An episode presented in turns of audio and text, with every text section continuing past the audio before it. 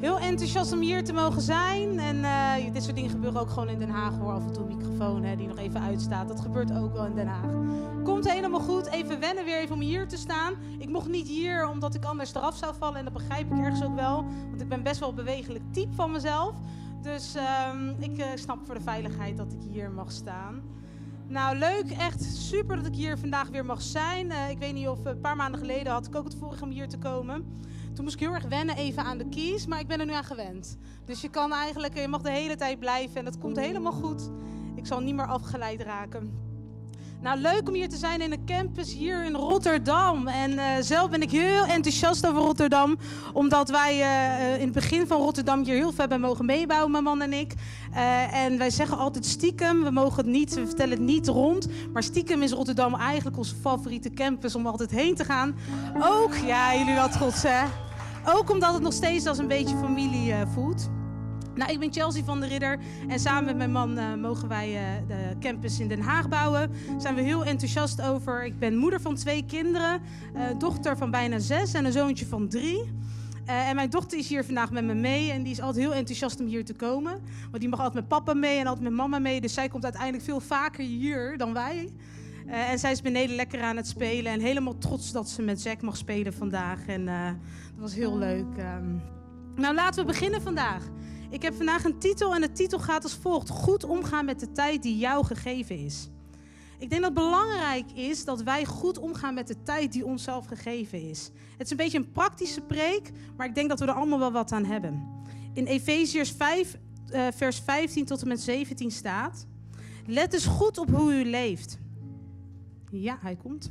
Wees niet onnozel, maar verstandig. Grijp elke gelegenheid aan om goed te doen. Want wij leven in een slechte tijd. Denk goed na en probeer te ontdekken wat de Heer van u verlangt. Dus wees bewust. Let goed op op hoe wij leven. Wees verstandig en niet onnozel. Grijp elke kans om goed te doen. Denk goed na over de dingen. En probeer te ontdekken wat de Heer van je verlangt. Onze tijd hier op aarde is kostbaar. Het is, niet, het is een tijd dat tijdelijk is hier op aarde. Het is goed dat we goed omgaan met onze tijd. En dan heb ik het niet over meer, meer doen, maar onze tijd juist efficiënter gebruiken. Ons tijd gebruiken in meer in lijn met wat God wil.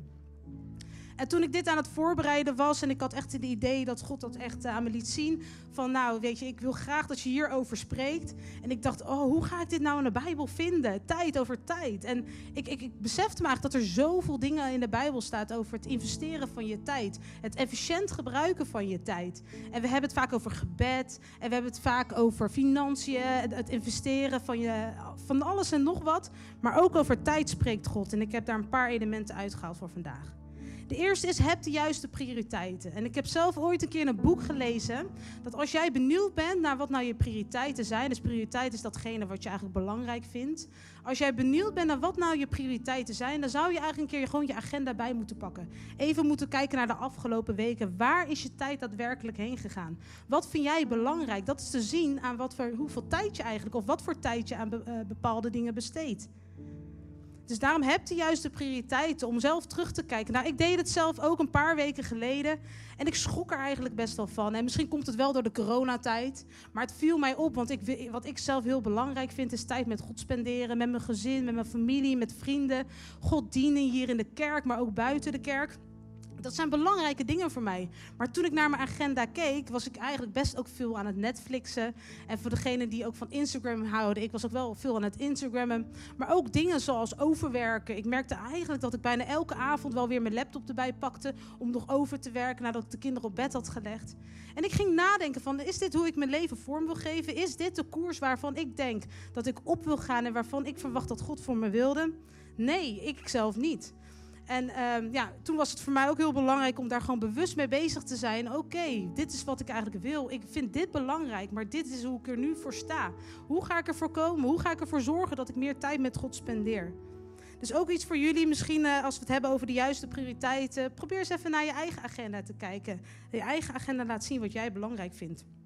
Nou, de Bijbel leert dus heel duidelijk en vertelt heel duidelijk over de allerbelangrijkste prioriteiten in ons leven. En het is gewoon een hele belangrijke tekst, een hele bekende tekst. En dat staat in Matthäus 6, vers 33. En er staat, maar zoek eerst het koninkrijk van God en zijn gerechtigheid. En al deze dingen zullen u gegeven worden.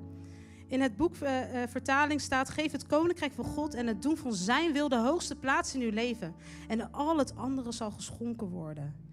En de tekst is heel duidelijk over God op nummer 1 zetten en de rest zal vanzelf volgen. En dat betekent niet dat wij, uh, als we het hebben over Gods wil volgen, dat we niet mogen bidden voor een nieuwe baan. Of dat we mogen bidden voor dingen die we heel graag zouden willen hebben. Dat niet.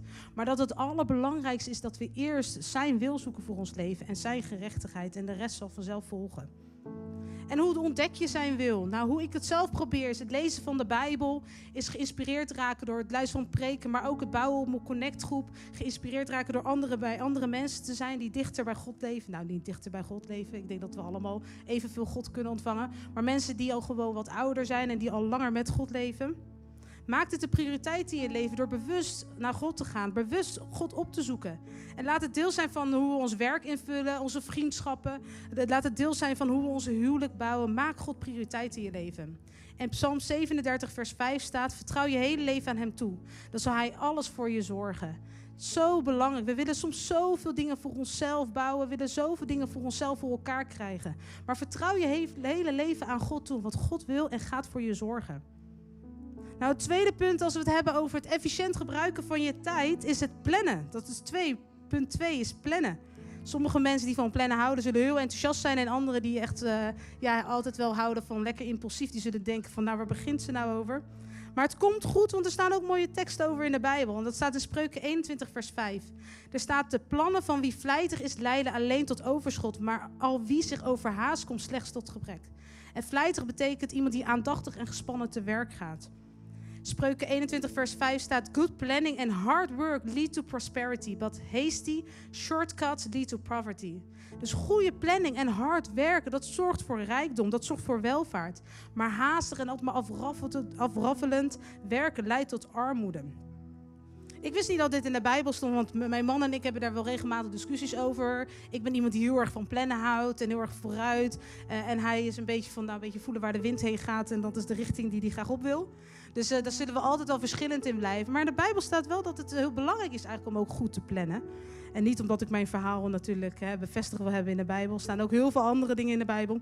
Maar goede planning is belangrijk. In Lucas 14, vers 28 staat van wie van u wie, want wie van u die een toren wil bouwen, gaat niet eerst zitten om de kosten te berekenen. Of hij de middelen wel heeft om het werk te voltooien. En ik dacht soms wel eens, want ik werd wel eens gevraagd op werk voor bepaalde opdrachten. En ik dacht, oh ja, het is vast wel van de Heer. En het is vast wel van de Heer. Totdat ik eigenlijk bewust was van deze tekst. Dat het ook goed is om gewoon soms bewust te zijn van kan je bepaalde dingen ook doen? Heb je financiën om bepaalde dingen te kunnen afronden? Daardoor is het wel heel belangrijk dat God ook leidt en God bij ons is. Maar het is soms wel bewust, goed te zijn om te bewust te zijn hoeveel tijd iets gaat kosten en hoeveel je in iets zou willen investeren. En Jezus had het op dit moment, dit is over een tekst over, uh, ja, had het op dit moment over, uh, in gesprek met zijn leerlingen hierover, als we het even hebben, over een stukje context. En er was iemand die zei dat hij heel graag leerling van Jezus wilde worden. En dit was zijn antwoord erop, van ben je bewust van wat het je gaat kosten? Ben je bewust van wat voor tijd je je insteekt? En daarbij is deze disclaimer natuurlijk wel heel belangrijk. In Spreuken 16 vers 9 staat... De mens stippelt zijn weg uit, maar de Heer bepaalt uiteindelijk de richting die we gaan. Dus we kunnen plannen wat we willen, we kunnen doen wat we willen... maar uiteindelijk is het de Heer die bepaalt de richting die wij gaan. God en, in het boek staat, de Heer heeft het laatste woord. En daar geloof ik zelf ook in. Juist iemand die heel van plannen houdt, merk ik dat vaak God er wel even tussen komt van ja, maar dat is toch wel de andere koers waarvan ik wil dat je opgaat. Of dat is toch niet hoe ik het voor je heb gezien. Of oh, dat is toch niet de richting waarvan ik wil dat je opgaat. Dus plan. Een goede eh, planning is belangrijk en leidt tot welvaart. Dat is een praktische punt, hè? Uh, praktische preek zei ik al. Hè? De derde punt is werk hard. Werk hard. Nou, jullie kennen waarschijnlijk het verhaal van Maria en Martha. En als je die niet kent, ik heb hier de kinderversie heb ik even uh. Maar Maria en Martha in de Bijbel. Martha was hard. Uh, Jezus kwam langs bij hun thuis, bij de zussen Maria en Martha. En Martha was maar continu aan het werk en Jezus aan het bedienen en eten klaar aan het maken. En Maria, ja, heel eerlijk gezegd, deed Maria gewoon niks. Ze zat gewoon bij Jezus en ze luisterde. En op een gegeven moment was Martha zo gefrustreerd van... hé, hey, joh, uh, uh, Jezus, zie je niet wat Maria doet? Maria moet ook hard werken. En Jezus antwoordde, Maria heeft het goede deel uitgekozen dat niet van haar zal worden afgenomen. En ik, ik, ik, weet niet, ik praat ook heel snel waarschijnlijk. Als ik soms ergens anders spreek buiten de grote steden, zeggen ze altijd: je praat veel te snel. Ik moet altijd heel rustig praten daar. Daar doe ik altijd mijn best voor. En ik denk hier in Rotterdam kan ik wel een beetje vaart erin houden. En anders hoor ik het achteraf wel. Maar in ieder geval, um, ik ben iemand die altijd in beweging is. En ik weet nog een keer, Jozua die kwam bij me thuis en toen zei mijn moeder, die zei, uh, Jozua is mijn man, en die, ik kwam bij me thuis en toen zei mijn moeder, Chelsea lijkt net een flipperkast. Ze is altijd bezig, ze is altijd weer rechts, links, buiten, binnen. Ze is altijd uh, met dingen bezig. Dus voor mij is het wel heel belangrijk om me soms te herinneren ook aan dit verhaal. Om gewoon bewust te zijn van, hé, hey, uh, het is zo belangrijk om gewoon uh, uh, aan de voeten van Jezus te liggen. Het is zo belangrijk dat ik niet alleen maar ren, ren, werk, werk, werk. Maar dat mijn relatie met God het nummer één is. Het is zo belangrijk. Zeker in dit geval was Jezus in dat huis. En soms ben ik ook ergens waar, dingen, waar God dingen aan het doen is. En dan ben ik aan het rennen, rennen, rennen, rennen. En dan hoor ik achteraf, wauw, dat was echt mooi. Oh, die aanbidding was zo mooi. God was echt aanwezig. Terwijl ik als een kip zonder kop aan het rennen was. Weet je, voor mij is het ook een reminder van, hey, wees echt dicht bij God. Wees aan de voeten van Jezus. En het interessante aan dit verhaal, soms kunnen we heel zwart-wit kijken naar dit verhaal, want zo is me eigenlijk ook aangeleerd. Want wat, wat Martha deed was niet goed, want Martha was maar altijd aan het werken. Maar wat Maria deed, ja, wat Maria deed, ja, die snapte het leven. Die had helemaal door hoe het werkte. En toen ben ik eigenlijk uh, terug gaan lezen naar het verhaal. En ik, toen ik dit het voorbereiden was, zei God, ja, doe dat verhaal. En toen dacht ik, ja, maar dat is helemaal niet gekoppeld aan hard werk. Nee, lees het verhaal. En toen ontdekte ik dit in Lucas 10, vers 38. Aan het begin van het verhaal staat: Onderweg naar Jeruzalem kwam Jezus in een dorp. Daar vroeg een vrouw Martha hem om, haar, daar vroeg een vrouw Martha hem om bij haar te komen eten. In de message-vertaling staat: A woman by the name of Martha welcomed him and made him feel quiet at home. Het was Martha, die hardwerkende vrouw, die er eigenlijk voor zorgde dat Jezus in dat huis kwam. Het was Martha, die, uh, die, die hardwerkende vrouw waar we altijd zo naar kijken, die ervoor zorgde dat Jezus er was. Dat Maria uiteindelijk aan de voeten van Jezus kon zitten. Misschien had ze niet de juiste prioriteit toen Jezus uiteindelijk er was. Want als hij er is, dan moet je er natuurlijk gewoon zijn. Maar het was wel zo dat haar houding ervoor zorgde dat er een open deur kwam. Dat haar houding, dus het hard werken, dat hoort er wel bij. In Spreuken 21, vers 5 staat: Good planning and hard work lead to prosperity. Heb ik al genoemd. Maar dus het, goede, het maken van een goede planning en hard werken. En blijf hard werken, blijf het goede doen. Ook als je soms niet direct resultaat ziet staat ook in Spreuken 11, vers 6. Blijf uw zaad uitzaaien, want u weet nooit welk deel zal gaan groeien. Misschien komt alles wel op. En heel eerlijk gezegd, dus sinds ik, voorheen had ik daar niet zo heel veel last van, maar sinds ik kinderen heb, heb ik echt wel het gevoel dat ik soms denk van, nou, poeh, zaaien, zaaien, zaaien, komt vast wel iets op, maar uh, we hebben hele bijzondere gesprekken soms. En dan denk ik, ach, ik doe zo mijn best om christelijke principes mee te brengen en mee te geven. En we gaan naar de kerk, een christelijke school en dan, roepen ze soms dingen. Maar ja, hebben vast meerdere ouders wel last van. Blijven zaaien, blijven zaaien. En misschien komt, er van alles, uh, komt het alles uh, wel op. Het is heel grappig. Pas mijn uh, schoonmoeder, uh, Mathilde, Jenna kwam pas naar haar toe. Oma, ik tover u in een kikker en weg. En toen dacht ik, oh, oh, oké, oké, oké. Is goed. En oma kwam het zo vertellen. Ik zei, ja, ja, tv. In 1 Corinthians 15, vers 58. Daarom, mijn geliefde broeders, wees standvastig, onwankelbaar. Altijd overvloedig in het werk van de Heer. In de wetenschap dat uw inspanning niet te vergeefs is in de Heer. Dus oftewel, in de message staat: Nothing you do for him is a waste of time or effort. Dus datgene wat we doen voor God, en dan heb ik het niet alleen over datgene wat we hier bouwen. Het is ook datgene wat achter de schermen gebeurt. In je huwelijk, in je gezin, in relaties bij je buren. Weet je, dat zijn allemaal dingen. Het investeren en het dienen van mensen. Niks van wat we daarvoor doen zal. Um, is een waste of time or effort. Niets, niks wat we daarvoor doen is weg of is een investering die uh, uiteindelijk niks oplevert. Het vierde punt is vertrouw God en niet je eigen kracht. In Spreuken 3, vers 5 tot 6 staat: denk aan, denk aan Hem bij alles wat je doet. Dan baant Hij de weg voor jou. Vertrouw met heel je hart op de Heer in het, in het boek en verwacht het niet van uw eigen verstand. Laat God delen in alles wat u doet. Dan kan Hij uw levensweg bepalen. En hoe vaak eigenlijk gaan wij zelf ergens een route op, en ik ben er soms ook een van. En dan zeggen we: Heer, kom, kom, help me. Heer, wees erbij. Maar God wil je levensweg bepalen. Vertrouw op den Heer met uw ganse hart en steun niet op uw eigen verstand. Ken Hem in al uw wegen en Hij zal uw paden recht maken. Allemaal verschillende vertalingen, maar hele mooie vertalingen waar God, waar God duidelijk vertelt wat zijn beloftes zijn als wij onze leven in zijn handen leggen. Als wij op Hem vertrouwen, niet op onze eigen verstand, dus datgene waarvan wij denken dat goed voor ons is, of datgene waarvan wij denken dat de juiste koers is van ons leven, dan baant Hij de weg voor jou. Dan zal Hij je leven zich bepalen en dan zullen uw paden recht gemaakt worden. Het zijn zulke mooie beloftes die God ons geeft. En soms kijk ik naar mijn eigen leven, soms ben ik wel gewoon een beetje moe. Ik weet niet of er meerdere mensen daar last van hebben, moe, af en toe gewoon echt moe. Uh, ja, wel toch? Oké. Is goed, gelukkig. Een paar mensen die daar ook een beetje last van hebben. Maar gewoon, soms ben ik gewoon een beetje moe. En dan denk ik, weet je, soms is het, rust is belangrijk. Er staan heel veel bijbelteksten in de Bijbel over het nemen van letterlijke rust. Het slapen, uh, het rust nemen overdag, of een goede balans, of een goede planning, hè, waar we het over hebben gehad. Maar wat ik soms bij mezelf merk is dat mijn, uh, de onrust die ik in mijn leven heb, of de onrust in mijn hoofd die ik heb, is niet altijd iets omdat het in het natuurlijke is. Het is niet altijd iets van, nou ga maar lekker slapen, even een paar dagen, even negen uur maken en dan ben je weer even weer rustig. Ik merk eigenlijk soms in mijn leven komt meestal de onrust in mijn leven en in mijn denken, komt eigenlijk doordat ik misschien dingen te veel in eigen kracht doe. Omdat ik de dingen doe op de manier hoe ik vind dat ze gedaan moeten worden.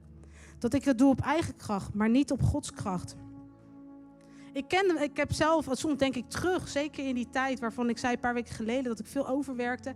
Ik moest vooral terugdenken aan die tijd. Weet je, dat ik soms uren bezig was aan het nadenken van hoe ik een bepaalde dingen op mijn werk zou moeten oplossen. Of hoe ik bepaalde dingen vorm zou moeten geven. In plaats van dat ik het eigenlijk met God ging delen. En dat ik hem de leiding gaf. Weet je, dat ik op sommige gebieden en sommige verantwoordelijkheden, soms heb ik echt oh, helemaal geen zin in. Dat ik denk, joh, laat het allemaal maar, laat me maar gewoon lekker hier. Maar komt het, maar omdat, dan denk ik dat de druk daarvan komt. Dat het druk komt omdat ik maar te veel, te veel doe.